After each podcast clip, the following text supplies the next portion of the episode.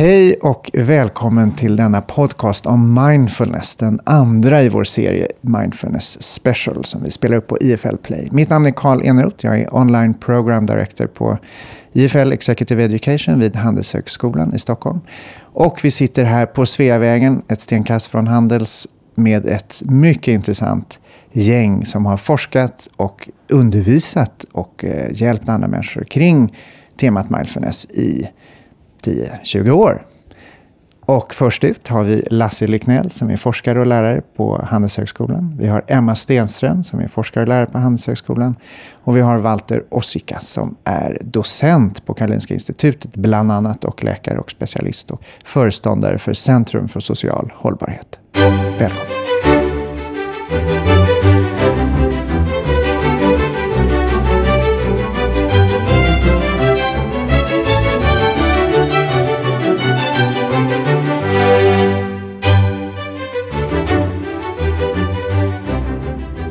Jag tänkte börja med att ställa frågan, vad är mindfulness?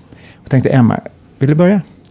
Ja, blir man direkt så akademiker och så säger man att man, ja, vi får väl välja en definition då. Eh, men för mig så, jag brukar göra det rätt enkelt att prata om en medveten närvaro i nuet.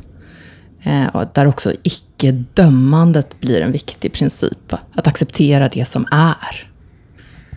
Och det är din första första definition av det. Men jag vet att ni andra, Walter, bland annat ser någonting annat i det här mindfulness. Vad ser du?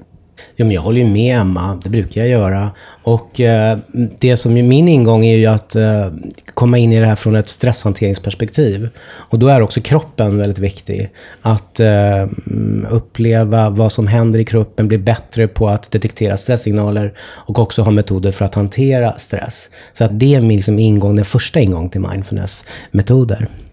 Men mindfulness handlar ju om att uppleva nuet på ett bra sätt. Men det är det större än så? Är det bara vi själva det handlar om? Eller är det någonting annat? Lasse? Ja, för mig handlar det om att uppleva oss själva, men också att uppleva världen. Den värld som vi är en del av. Det har vi svårt att göra om vi inte upplever oss själva. Så att för mig så hänger de sidorna ihop. Så det går inte att skilja det ena från det andra. Och det kanske är själva poängen också, mm. eller? Att eh, världen och hjärnan, eller så vi upplever världen, är ett och samma. Ja, precis. Men får jag rätta dig där, Karl? Mm. Jag skulle inte säga att det handlar om att uppleva världen på ett bra sätt, nödvändigtvis. Då kommer ju direkt ett... Sa jag bra? Ja, du sa bra. Gjorde han det? Ja. Utan det handlar om att uppleva världen. Och den, jag liksom ta bort det där dömandet, tycker jag. Mm. För mig är det en viktig kvalitet i mindfulness. Men ser vi världen som den är, eller ser vi världen som vi behöver se den? Inte ens som vi vill se den, utan som vi behöver se den för att överleva. Alltså det är såklart att vi har en massa, massa filter med oss hela tiden. Så är det ju. Men det är också det att mindfulness för mig är väldigt mycket att bli medveten om de filtren. Att själv se vad det är för tankar och känslor och upplevelser som dyker upp när du betraktar någonting. Så att det, det är just den här medvetenheten som är väsentlig tycker jag. Lasse, vad tycker du? Jag tycker det var väldigt intressant formulering där, att se världen så som vi behöver den. Och då kan man ju tänka ett steg till när vi använder mindfulness, är det också ett sätt att se världen som vi behöver den? Att vi behöver mindfulness? Att det dyker upp nu i... Nej, att, oss, att mindfulness i sig är ett sätt att förstå världen på som vi behöver.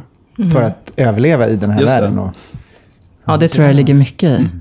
Men när vi är inne på det temat, vad, vad betyder mindfulness för dig? Ska vi börja med Emma? Ja. Jag tycker att det finns en sån väldigt viktig aspekt i det här som också handlar om den subjektiva upplevelsen och att det verkligen betyder någonting för mig, även som forskare och lärare. Jag brukar ta det exemplet att jag har sysslat länge med yoga och meditation. Inte så länge med mindfulness. Men för mig blev det, jag tror, den stora, stora insikten om just mindfulness. Och jag hoppas att vi kan komma in på det andra senare. Men det var egentligen när jag gick en kurs i mindful eating. Så mindfullt ätande. Slow food eller? Nej, inte slow food, utan jag har hela mitt liv brottats med att tröstäta, emotionellt äta, äta när jag varit stressad, inte alltid äta bra. Och så gick jag en kurs i eh, mindful eating för några år sedan. Det ändrade allting. Och det var egentligen väldigt, väldigt enkelt. Det enda vi gjorde, det var egentligen att äta med just den här medvetna närvaron.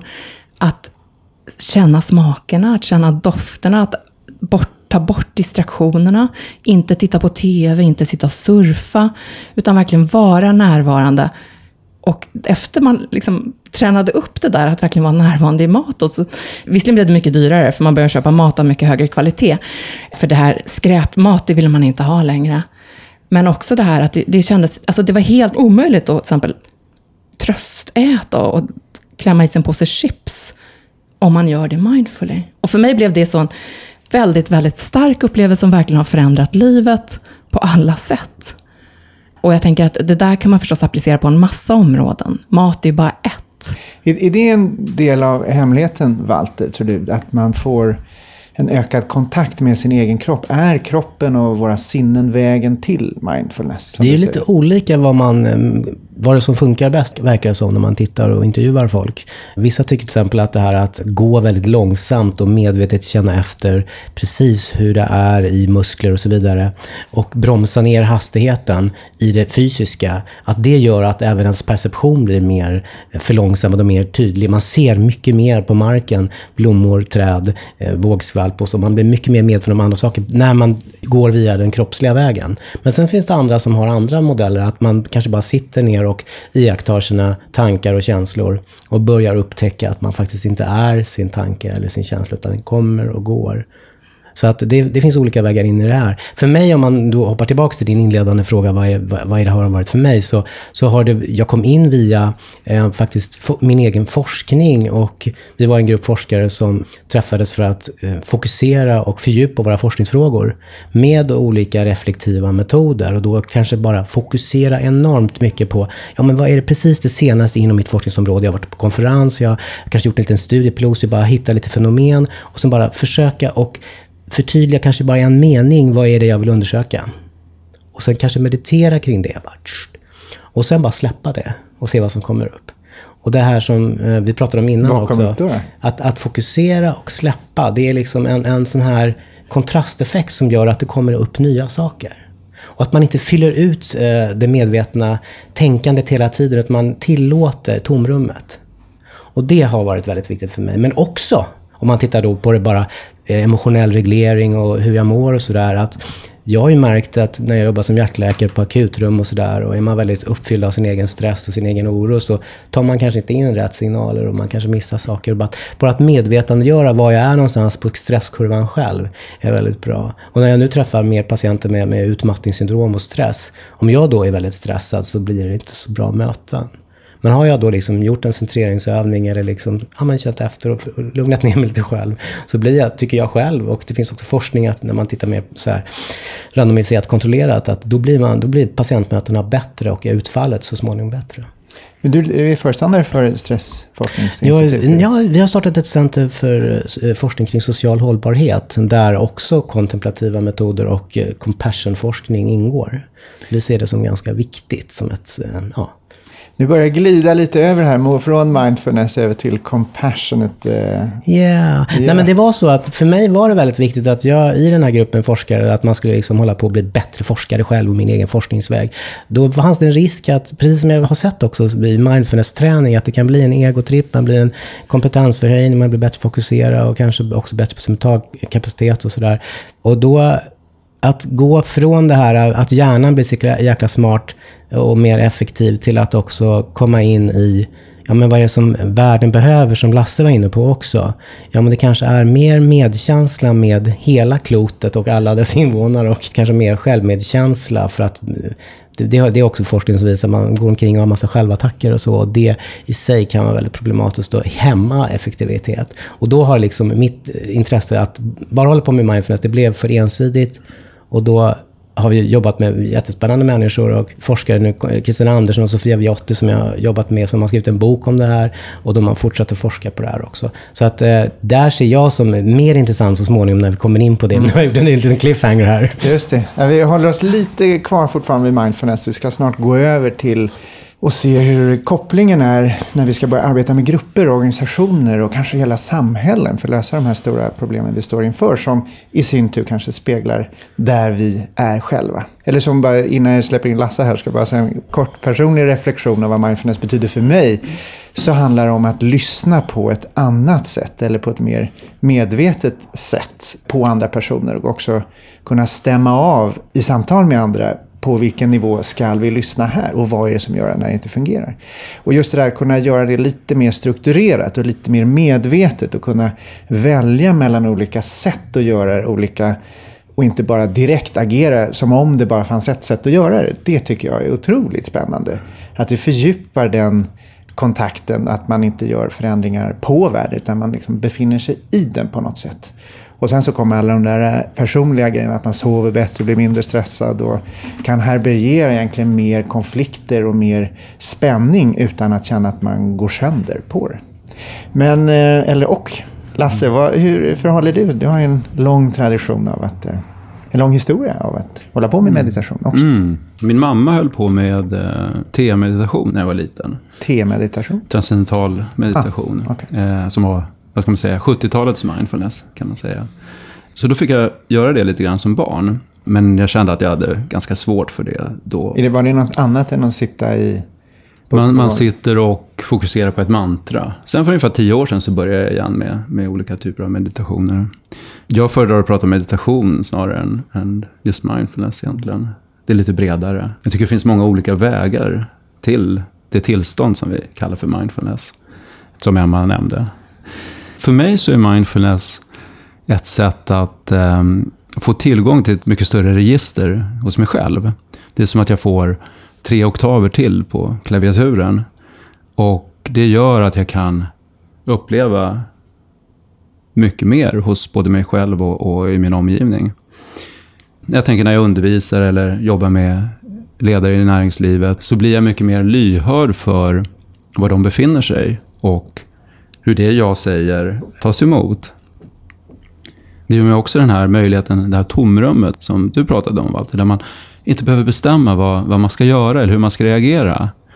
Det där lilla glappet ger mig en möjlighet att kanske ibland helt ändra vad jag skulle säga och välja något annat istället.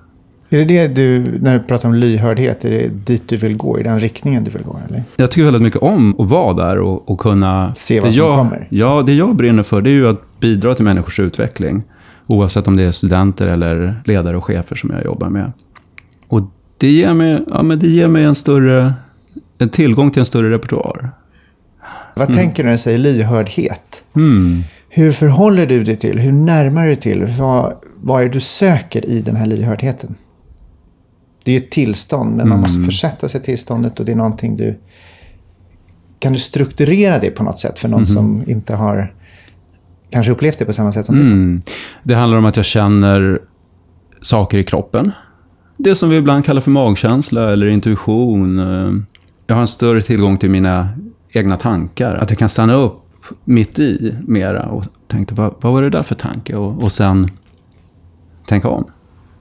Ja, men jag har en större medvetenhet om vad som pågår i mig under tiden jag håller på. Hur kan då mindfulness, eller relaterad, vi har inte riktigt kom, vi har inte breddat eh, diskussionen än, men vi ska snart göra det. Mm. Men frågan är, hur kan vi lyfta det från det personliga planet till en gruppnivå? Så att vi, en hel grupp börjar tänka i de här frågorna. Vi är väldigt individcentrerat. Jag tror att det är det som är lite, inte problemet, men i alla fall utmaningen. Att vi är så självcentrerade. Vad säger man? Jo, men jag tror att det är eh, helt som du säger. Jag, jag, kan se stora fördelar med om en hel arbetsgrupp eller organisation tar till sig mer av det här. Men det är också, det ligger i sakens natur att det är svårt att komma att säga hur människor ska bete sig med sitt sinne och sin tankekapacitet och sin uppmärksamhet. Det kan, det kan bli problematiskt, om man tänker på tidigare, man skulle tro på en speciell sak, man skulle be tillsammans. Och det här är ett område för frihet.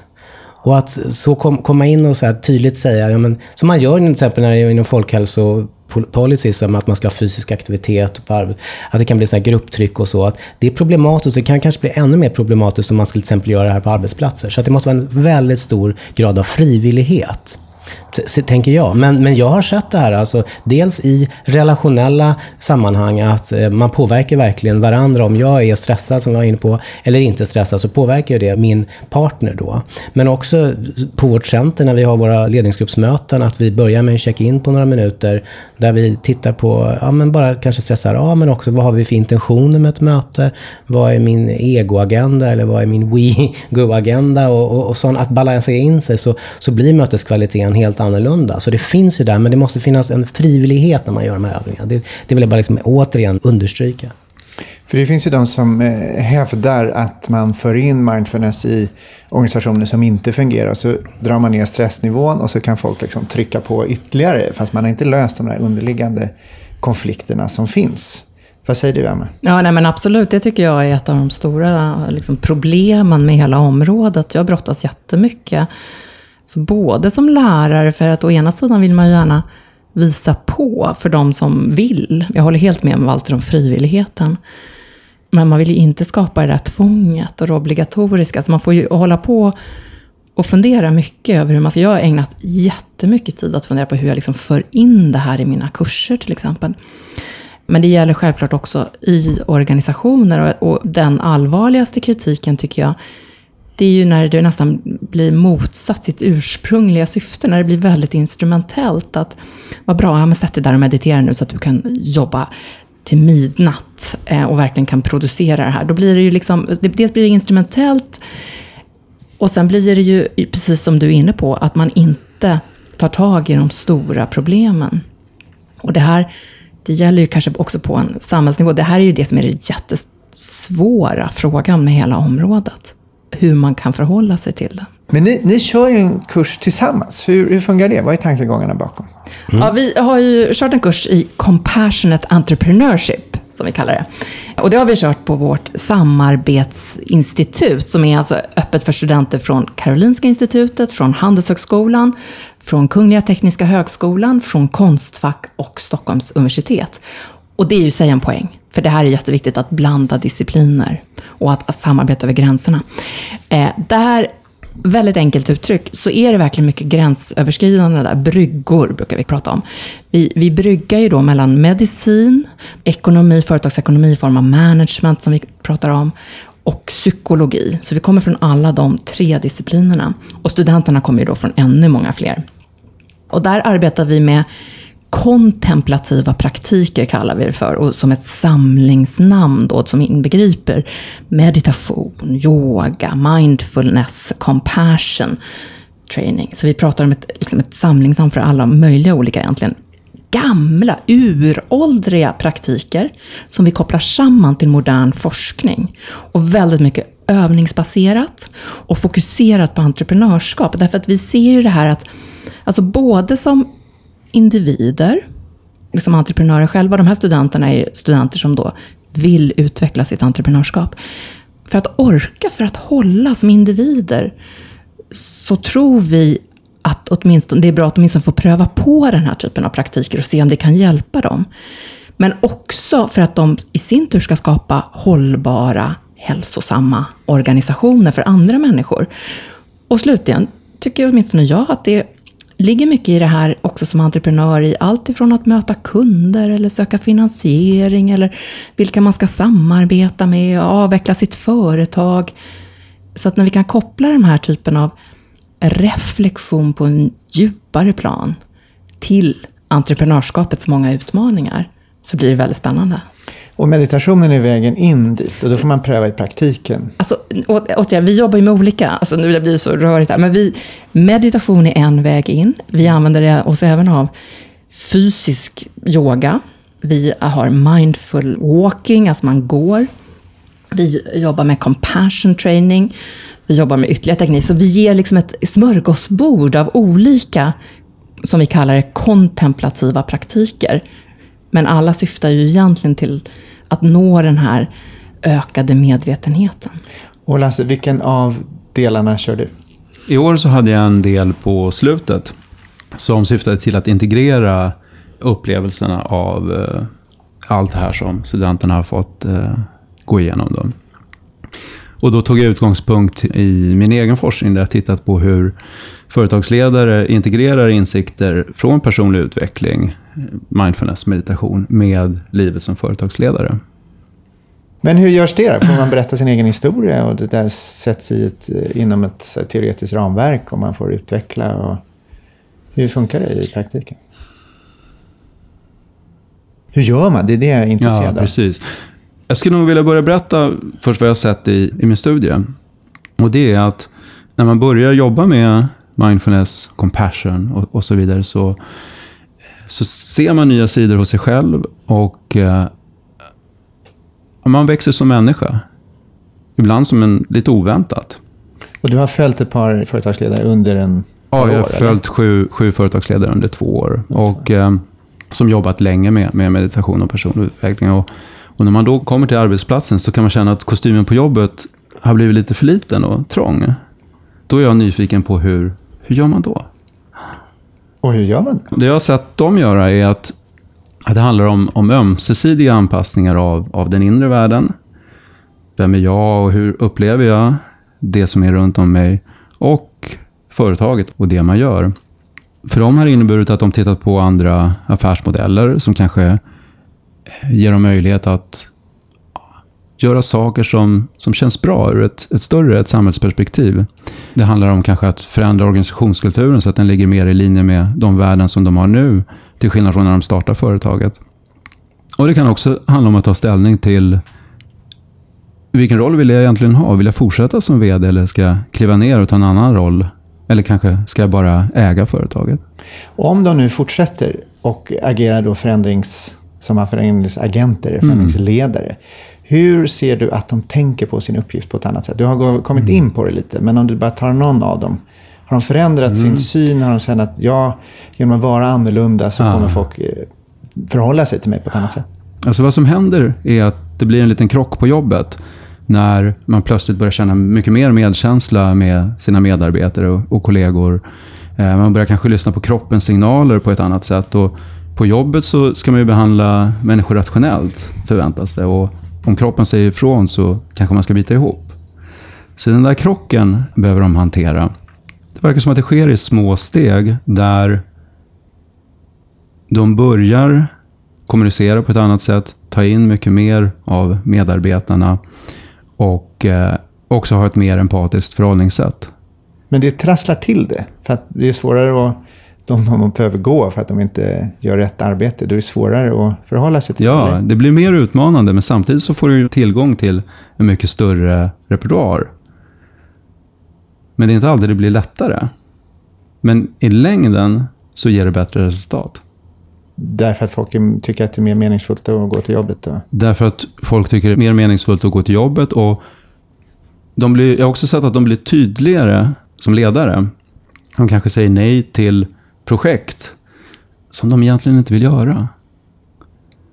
Och det gör möjlighet för personer att ta ställning till om de vill vara kvar i företaget samtidigt som man lockar andra personer som verkligen brinner för liknande idéer. Vad spännande. Jag ska släppa in Walter här lite också. Eh, och på samma tema så har vi pratat i andra poddar just om ledarskapets blinda fläck.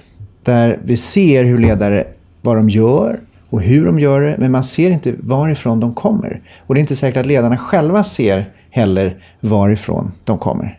Och vad säger hjärnforskningen? Vad kan vi bli medvetna om? Ja, alltså vi kan ju öka vår medvetenhet, precis som Lasse säger. Men vi kommer ju alltid ha eh, områden som vi inte har insikt i. Det, så är det ju. Eh, jag tänkte mera, jag var inne och, lyssnade på Lasse här och tänkte på vad gör jag på den här kursen i Compassionate Entrepreneurship? Och jag pratar just om neurovetenskapliga aspekter av mindfulness och meditation och compassion. Men jag gör det i en miljö där vi väldigt medvetet har valt att vara ute i naturen vid Brunnsviken i Naturens hus som är en del av Vetenskapens hus vid KTH. Och där vi har möjlighet att liksom få input från stressreducerande liksom faktorer som, miljö, alltså som naturen och vatten nätet där är. Eh, och det gör ju att jag får tillgång till andra sidor av mig själv. Så där tycker jag att kanske min blinda fläck minskar. För att jag ser att jag verkligen är en del av ett större sammanhang. Så där är en input. Men när man ska titta på liksom, eh, ledarskapsutbildningar och vad de gör, så har jag varit, haft förmånen att jobba med Julia Romanovska som har just använt väldigt speciell teknik för att se att liksom, provocera just ledare i en utbildning där de får utsättas för eh, konstnärliga uttryck, hemska tester från Holocaust och så vidare. Och där man verkligen blir provocerad att se sina föreställningar och hur man agerar och som Lasse är inne på, eh, hur man kan agera på ett mer empatiskt sätt. Och det blir mer, jag håller med om det också, att det blir mer komplext. Man kanske tar lite långsammare beslut, men förhoppningsvis på sikt tar man bättre beslut. Vi är ju väldigt mycket inne på att göra saker automatiserat för att det är väldigt smart energieffektivt. Att liksom mer och mer eh, ta dagliga, liksom att cykla och köra bil, så här, ju, ju mer och mer, ju längre vi håller på, gör mer och mer automatiskt. Men ibland så måste vi då titta på det där, hur vi gör beslut besluten för att sen ta mer medvetna och värderingsstyrda liksom, beslut, hur vi egentligen vill leva. Och där tycker jag mindfulness är en, en möjlighet. Men det, det, det är lite motstånd och det kan bli väldigt jobbigt ibland. När det blir här, kanske tydliga krockar med hur man vill leva och hur förutsättningarna är. Finns det några insikter, eh, det är klart det finns, men eh, några som du tänker speciellt på kring hjärnforskning som du stött på som eh, tangerar det här området med compassionate? Nej, men jag tänker på eh, forskning som bland annat gör på min institution av Martin Ingvar och andra, där man tittar på hur mycket subliminala eh, processer, alltså bilder som man inte blir medveten om, påverkar till exempel smärtsignaler och, och hur man tolkar olika saker. Det tycker jag är jättespännande. Och jag menar inte att mindfulness kanske kommer att upptäcka alla saker i naturen eller i omgivningen, men en del av det, att man blir mer medveten av det man påverkas av, det tycker jag är jättespännande. Men också just det här här som vi var inne på i början, både Lasse och jag pratade om det här glappet, där mellanrummet. Att man, om man tränar sådana här mindfulness-tekniker så blir man kanske bättre på att inhibera sin automaticitet, sin reaktivitet. Och att? I det här, impulskontroll. Och att man där, i det lilla, lilla utrymmet, kanske får lite större möjligheter att, att ta medvetna beslut. Det sägs ju det där att eh, en femtedel sekund innan vi förstår vad som händer så har signalen Alltså hjärnan ligger en femtedel sekunder efter vad de signaler vi får från omvärlden. Så frågan är vem det är som egentligen bestämmer. Är det vårt huvud som formulerar en tanke om vad som bestämmer? Eller är vi bara, går vi omkring och får de här intrycken som vi agerar på, som vi behöver agera på? Inte vad vi vill, utan vi behöver agera på för att eh, överleva. Och, och, vänta, avbryta där. Och eh, vi reagerar ju på de här intrycken också beroende på vår förförståelse och vad vi har tränat. Så det är liksom loopar i det här. Så om vi har liksom tränat på att agera kanske mer compassionate eller någonting så gör vi det också på ett annat sätt av samma signaler om vi, än om vi inte har tränat på det. Så det går att öva upp med det här? Ja, man kan, man kan träna sig åt massa olika håll. Man kan träna sig på att bli mer våldsam, att skjuta fort eller att inte skjuta, till exempel. Förstår du vad jag menar? Så att man kan ju träna olika responser. Du säger att saker och ting styrs av det yttre. Ja, men vi är ju inte en liten bara en robot som är färdig, utan vi är ju plasticitet. Och hur vi svarar på de här eh, impulserna kan ju vi liksom påverka genom träning. Men jag tycker att det bästa sättet egentligen för att eh, reflektera över det, det är ju att pröva själv, skulle jag vilja säga. Eh, jag brukar till exempel arbetar mycket med så loving kindness, som är en speciell sorts meditation, som egentligen handlar om både liksom ge sig själv och andra i den nära omgivningen, lite större omgivningen, kärlek. Och att man, om jag sätter mig och gör en sån meditation tio minuter innan jag kliver in i salen och träffar mina studenter, så gör det väldigt, väldigt stor skillnad på sättet jag möter dem. Och det är väl att jag antagligen får igång mina hjärna på att tänka på något annat. Alltså det är någonting som händer i där som man verkligen tycker jag kan upplevas så otroligt starkt. Och då handlar det framförallt hur jag liksom bemöter studenterna. Och den fysiska upplevelsen av kärlek som verkligen kommer in i klassrummet. Jag har även provat att göra det där liksom inför dragningar inför styrelsen och ledningsgruppen. Att jag alltid sätter mig och gör en sån där snabb loving kindness meditation och tänker att nu ska jag ändå försöka älska dem, även om de kritiserar vad jag säger. Det gör väldigt, väldigt stor skillnad, men jag tror, alltså det är fantastiskt med forskning, jag är ju forskare själv, men det är också väldigt viktigt tror jag att pröva. Det skulle jag vilja uppmuntra de som lyssnar. Är det någonting som du har stött på också? Är det något stöd i forskningen det här? Jag tänkte snarare på när, när du berättade Emma, så jag kommer ihåg när du nämnde det vid något möte och, eh, och jag blev nyfiken så jag provade också att göra det just innan jag går in i klassrummet och jag kan verkligen hålla med, det blir en jätteskillnad. Och var i består skillnaden tycker du? Det är så mycket skönare att gå in i klassrummet därför att det är som att, att jag känner att jag känner en mycket större närhet till studenterna snarare än distans. Där, där de här idéerna om dömanden Ligger i distansen, eller? det, det, den här distansen är liksom jordmånen där de fröna gror. Men när jag känner närhet så så är det som att det inte finns plats riktigt på samma sätt. Det blir en nyfikenhet tycker Ja. jag. Alltså det kommer någon krit, en kritisk så blir man nyfiken Ja, ja. på. Åh, var kommer han eller hon ifrån? Vad, vad säger han? Och, alltså stannar man upp i det istället. Mm. För det tror jag också är en sån här viktig aspekt, nyfikenheten här i. Men gör inte här er väldigt sårbara?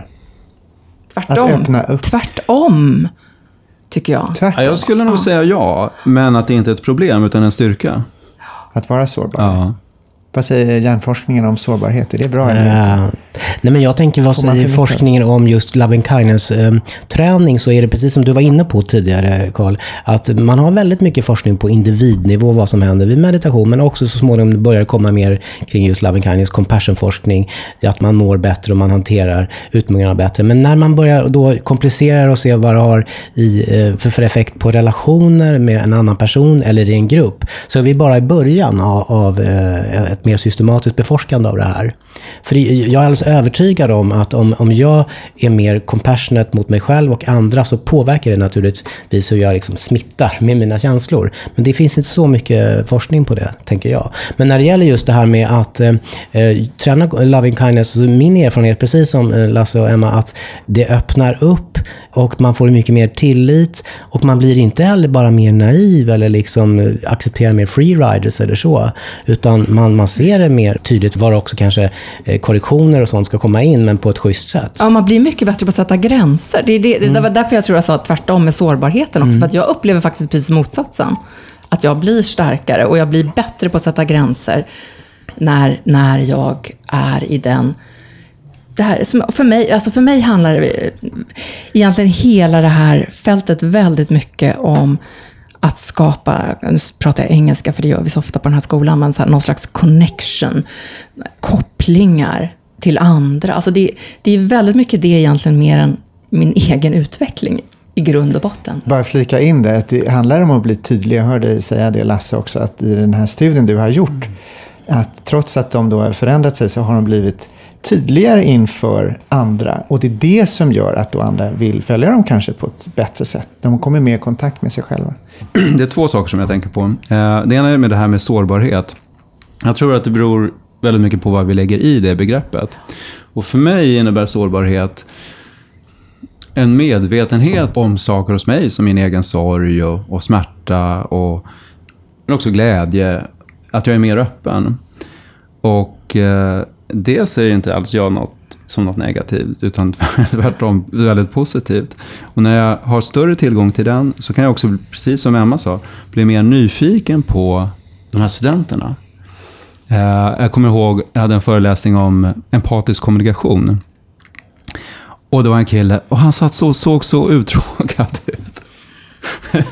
och jag tänkte, nej, nu måste jag kolla här. Och då använde jag just empatisk kommunikation för att fråga honom hur han kändes och vad han behövde. Och då visade det sig att han hade suttit uppe hela natten för att göra en uppgift. Och när han berättade det så förstod jag ju honom var han befann sig mer. Samtidigt som det jag gjorde blev ett exempel på hur empatisk kommunikation fungerar och vad det kan förändra i rummet. Vi pratar om det som lärare nu, men det gäller förstås också i organisationer och som, som chef till exempel. Det är samma sak där. Att, att förstå medarbetare på ett annat sätt, att vara nyfiken på medarbetare. Och, så att, jag tror att man kan föra över det här i alla typer av organisationer egentligen, inte bara i klassrummet som vi pratar om nu. Och jag tyckte det du, du sa var ett väldigt bra ex- exempel från neurovetenskaplig forskning, att, att han var väldigt trött den här killen. Och då minskar faktiskt empatisk förmåga och compassionate eh, behavior. Alltså, För att man har mindre resurser att liksom sätta sig in i. Men jag vill bara ändå spela tillbaka till det här med empati och empatiresonans. Att eh, eh, om jag ser att du lider och eh, mår dåligt, ja men då kanske jag bara känner likadant och mår själv väldigt dåligt. Och det här ser man alltså inom eh, vård, skola och omsorg. Att man, att man då går in och ser när andra mår dåligt och gör det själv och faktiskt mer och mer går mot en utmattning och eller stänger av och blir cynisk. Det, det finns massa forskning på det. Men Walter, då är ju det förfärligt, tänker jag, i många organisationer där inte minst kanske lärare och läkare blir inte alltid så bra behandlade och kanske mår dåligt på grund av stress. Så menar du att det smittar av sig även på patienter och elever? Jo men absolut. Och eh, Marie Åsberg som är professor emerita i, i psykiatri, hon pratar om att man utbildar många människor i emotionella riskyrken och att man inte liksom ser på de här sidorna på ett bra sätt. Och vi tänker då när vi tittar mer och mer på det här med empati och nästa steg, alltså att empati är då, som vi ser det, förmågan att se andra människors situation, ibland lidande då. Eh, och det kan sätta igång en resonans och att man själv mår dåligt. Om man inte då har tränat upp att ja, man ser det här lidandet, men man har också träna kroppens trygghetssystem. Att, att ta hand om eh, de här känslorna och också ha en intention att vilja minska det här lidandet på olika sätt om det nu går. Och faktiskt också sitt eget lidande. Och det är det som jag tycker är distinktionen då mellan empati och compassion. Att man har verkligen tränat upp det här och det gör att man blir också mindre sårbar och mer effektiv. Men sen så måste det här också naturligtvis sättas, för du var inne på att det här kan bli väldigt instrumentellt, att det måste sättas in i ett, liksom ett större sammanhang, ett etiskt perspektiv också, att man inte bara blir bra på att switcha på och av sina känslor och blir kanske nästan lite mer psykopat bara. Utan hur gör man det här i ett, i ett lite större organisatoriskt och globalt sammanhang?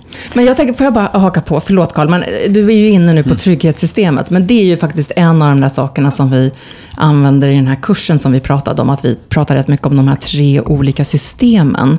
Och det tycker jag har varit, för mig åtminstone, en så här tacksam liten modell att hålla sig i att vi har, du är ju bättre på att förklara eftersom du ja, är men det är framförallt utvecklat från en professor i Storbritannien, Paul Gilbert, som har sett eh, på våra olika motivationssystem. Eller så. Och då har man då liksom hotsystemet som ska upptäcka faror som är väldigt viktigt för vår överlevnad. Så har man lära eh, upptäckande systemet då för att liksom upptäcka det nya och kanske också skapande. Men också sen det här trygghetssystemet och som då är viktigt för relationer men också för lek och för hållbara liksom relationer då, och samarbeten om jag tänker mig som, som stressforskare, så många av våra patienter kommer ju och är väldigt, eh, deras liksom, hotsystem är väldigt lättriggat och förstorat och man ska mycket plats. Så därför får inte de andra systemen lika mycket utrymme. Och om man tänker sig mindfulness, att gå in då och känna efter hur man mår, då mår man kanske jättedåligt och så bara triggar man upp igång det här istället. Och därför är många, tror jag, som hoppar av mindfulness också för att det liksom är jobbigt. Men om man då istället fokuserar på att träna trygghetssystemet och se till att det blir liksom mera lättillgängligt, då tror jag att man sen kan jobba med mindfulness på ett nytt sätt. Och jag vill haka på där, för att jag tycker ofta att när jag möter många studenter många organisationer, många medarbetare och organisationer, så tycker jag, det här är min tes då, men att man också är rätt bra på att uppmuntra och eh, ge belöningar till det här upptäckarsystemet. Jag menar, jag är själv en sån. Där, jag är liksom dopamin-junkie. Jag går på liksom nya upptäckter, nya saker, nya, och det är ju egentligen också problematiskt. Det är inte så mycket hotsystemet kanske, men just det här upptäckarsystemet, allt det nya, spännande. Och även då tror jag att man kanske kan behöva ibland sätta igång lite trygghetssystem för att balansera Jo, jag tror det också. Att man, att man är medveten om mer och mer hur man själv fungerar och kanske lite grann neurovetenskapliga och naturvetenskapliga liksom bakgrunden och sen så navigera och välja hur man vill göra och träna det man vill bli bättre på. Det blir, jag lyssnar här lite från kanten och hör hur det blir mer och mer komplext att man rör sig mellan olika system. Lasse, du vill säga någonting? Ja, jag tänkte på, om vi får oss tillbaka till organisationsnivå nu så är så en av anledningarna till att det är svårt att integrera insikterna från, från personlig utveckling och meditation med, med um, yrkeslivet är att det saknas de här miljöerna där man utan att bli dömd kan berätta och prata om, om sina upplevelser. Och eh, jag kopplar det lite grann till det här med trygghetssystemet, där man kan känna en trygghet. Och det är vissa forskare som säger att det är en av, en av de stora utmaningarna med att få mindfulness, compassion och så vidare, att få några effekter i, företaget som stort. Jag tycker det verkar ett, ett centralt, eh, som jag hör er säga, är just den här eh, otroliga individfokuseringen som vi har i vårt samhälle. Och det är det som ställer till det. Att vi är så tränade att få bra betyg, synas, få likes på Facebook, bli någon på någon scen i Melodifestivalen eller vad det nu är. Att vi glömmer bort hela den värld runt omkring oss som gör det möjligt. Vi använder den för att nå våra egna syften, men när vi väl kommer dit så känns det inte så himla meningsfullt. Vi skulle kunna bygga vidare på det här och jag hör er säga Eh, nyfikenhet, lyhördhet, sårbarhet som ett sätt att öppna upp den här eh, distansen vi har mellan varandra som vi bygger upp kanske på ett onödigt sätt. Men det finns någon sak som vi inte har pratat om och det är ju hur kan mindfulness eller relaterade koncept, meditation, du har pratat om yoga, hjälpa oss att se framtiden. Vi ser ju bakåt här och vi ska ju må bra, men vi fortsätter fortfarande inom samma system. Vi flyttar inte på de stora grejerna. Men hur kan det här hjälpa oss att se framtiden, det som kommer, det som är min högre önskan och tro på den? Alltså, det... min, min, min förståelse av det är att när jag gör de här övningarna så blir jag bättre på att lite grann se mig själv och precis som du säger, in där jag är fast i min lilla grotta, i mitt eget lilla system. Och bara det är ju liksom en, ett, ett liksom helikopterperspektiv, att man får en sån metaförståelse. Och också hur mina egna tankar och eh, perceptioner eh, är begränsade. Men också, var kommer de här olika idéerna ifrån? Var kommer de olika tekniktrenderna ifrån och sådär? Att det tror jag gör att man blir mer eh, observerande på också de nya möjligheterna. Så det, det, det är liksom någonting som jag själv tycker när jag tittar på min egen forskning, så har det varit en, en stor grej för mig. Att få det här metaperspektivet, både metakognition och metaintention. Vad, vad min lilla intention kan göra i det stora hela. Hur du kan bidra till det som ja, kommer senare. Ja, så tänker jag. Och det finns forskning också som visar att mindfulness meditationsträning, att man blir bättre på att lösa komplexare saker och att man får ett mer metaperspektiv. Kan du bara innan vi lämnar, vad, hur, hur vet vi det? Vad är det forskningen säger om varför vi kan öka komplexiteten när vi stannar upp och, och håller det är delvis det att man blir mer eh, medveten om att man är inte sin tanke och sin känsla, utan man har det och man börjar se på de här tankarna. Var kommer de ifrån? Varför har jag den här tankefiguren? Varför är jag så himla övertygad om att det är precis de här eh, naturvetenskapliga reduktionistiska modellerna som är den enda sanningen? Eller varför är det bara de här konstruktivistiska metoderna som är den enda sanningen? Och att man ser det här som olika eh, ja, men, sätt att se på världen. Hur kommer det sig att det blir så? Varför låser vi oss fast vid de här äh, och identifiera oss med den där sanningen som vi har kommit på alltså, lite. Det, det, bland annat så är den, den akademiska traditionen är ju väldigt, eh, meriterar ju ett liksom sånt här, eh, vad ska man säga, tunnelseende eller sån här eh, stuprörstänkande att man ska bli superspecialist på en liten grej. Det har ju varit en väldigt stark tradition. Eh, så att det är inget konstigt att, man, att, att det premieras. Att, kolla bara på Nobelprisen. De är ju väldigt fokuserade på små partikulära upptäckter. Hur kommer det sig att vi skapar så starka identiteter som vi sen har så svårt att släppa? Det är en väldigt bra fråga. Och det är att vi konstruerar vårt jag hela tiden. Det är en väldigt stark... I realtid? Ja, och att det är någon sorts med, meningsskapande funktion som är väldigt stark. Och den, den visar sig att den är bra, men den gör ju mycket hittepå. Så att, För att eller, det ska hänga ihop? Jag tror det. Att vi, vi har svårt att liksom se saker och ting så fragmenterade som de egentligen är. Vi vill ha en, ett sammanhang. Vi vill, vi vill tycka att allting ska ha någon sorts eh, ja, sammanhang. För att vi behöver det för att kunna inte gå isär, eller?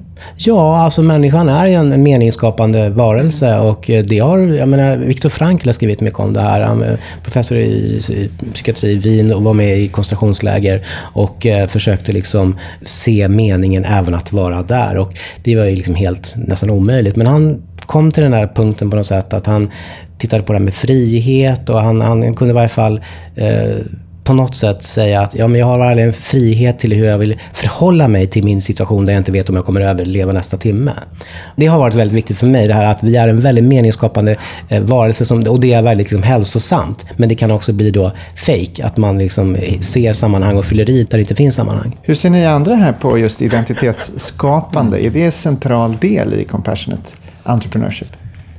Jag associerade till, till Robert Keegan, en Harvard-professor som pratar om att vi någonstans när vi är unga vuxna så börjar vi lära oss ett program som vi märker blir väldigt effektivt och så tillämpar vi det och, och gör karriär och, och eh, blir Om ett program så menar du ett sätt att förhålla ett sig Ett sätt att förhålla sig till världen, ta riktning, prioritera och så vidare. Och det blir väldigt framgångsrikt men, men någonstans i, i, i medelåldern brukar det hända så ökar kraven från väldigt många olika håll och så fungerar inte det här programmet riktigt längre. Och då inträffar vad man ibland kallar för en medelålderskris. Och för att komma ur den så behöver man just göra det här som Walter pratade om, att, att skifta perspektiv på sig själv och se sig själv i ett nytt ljus. Att jag är inte bara den här framgångsrika personen eller den som alltid presterar eller jobbar hårdare när det behövs och så vidare. Det är en utmaning och där kan mindfulness accelerera det här skiftet i perspektiv.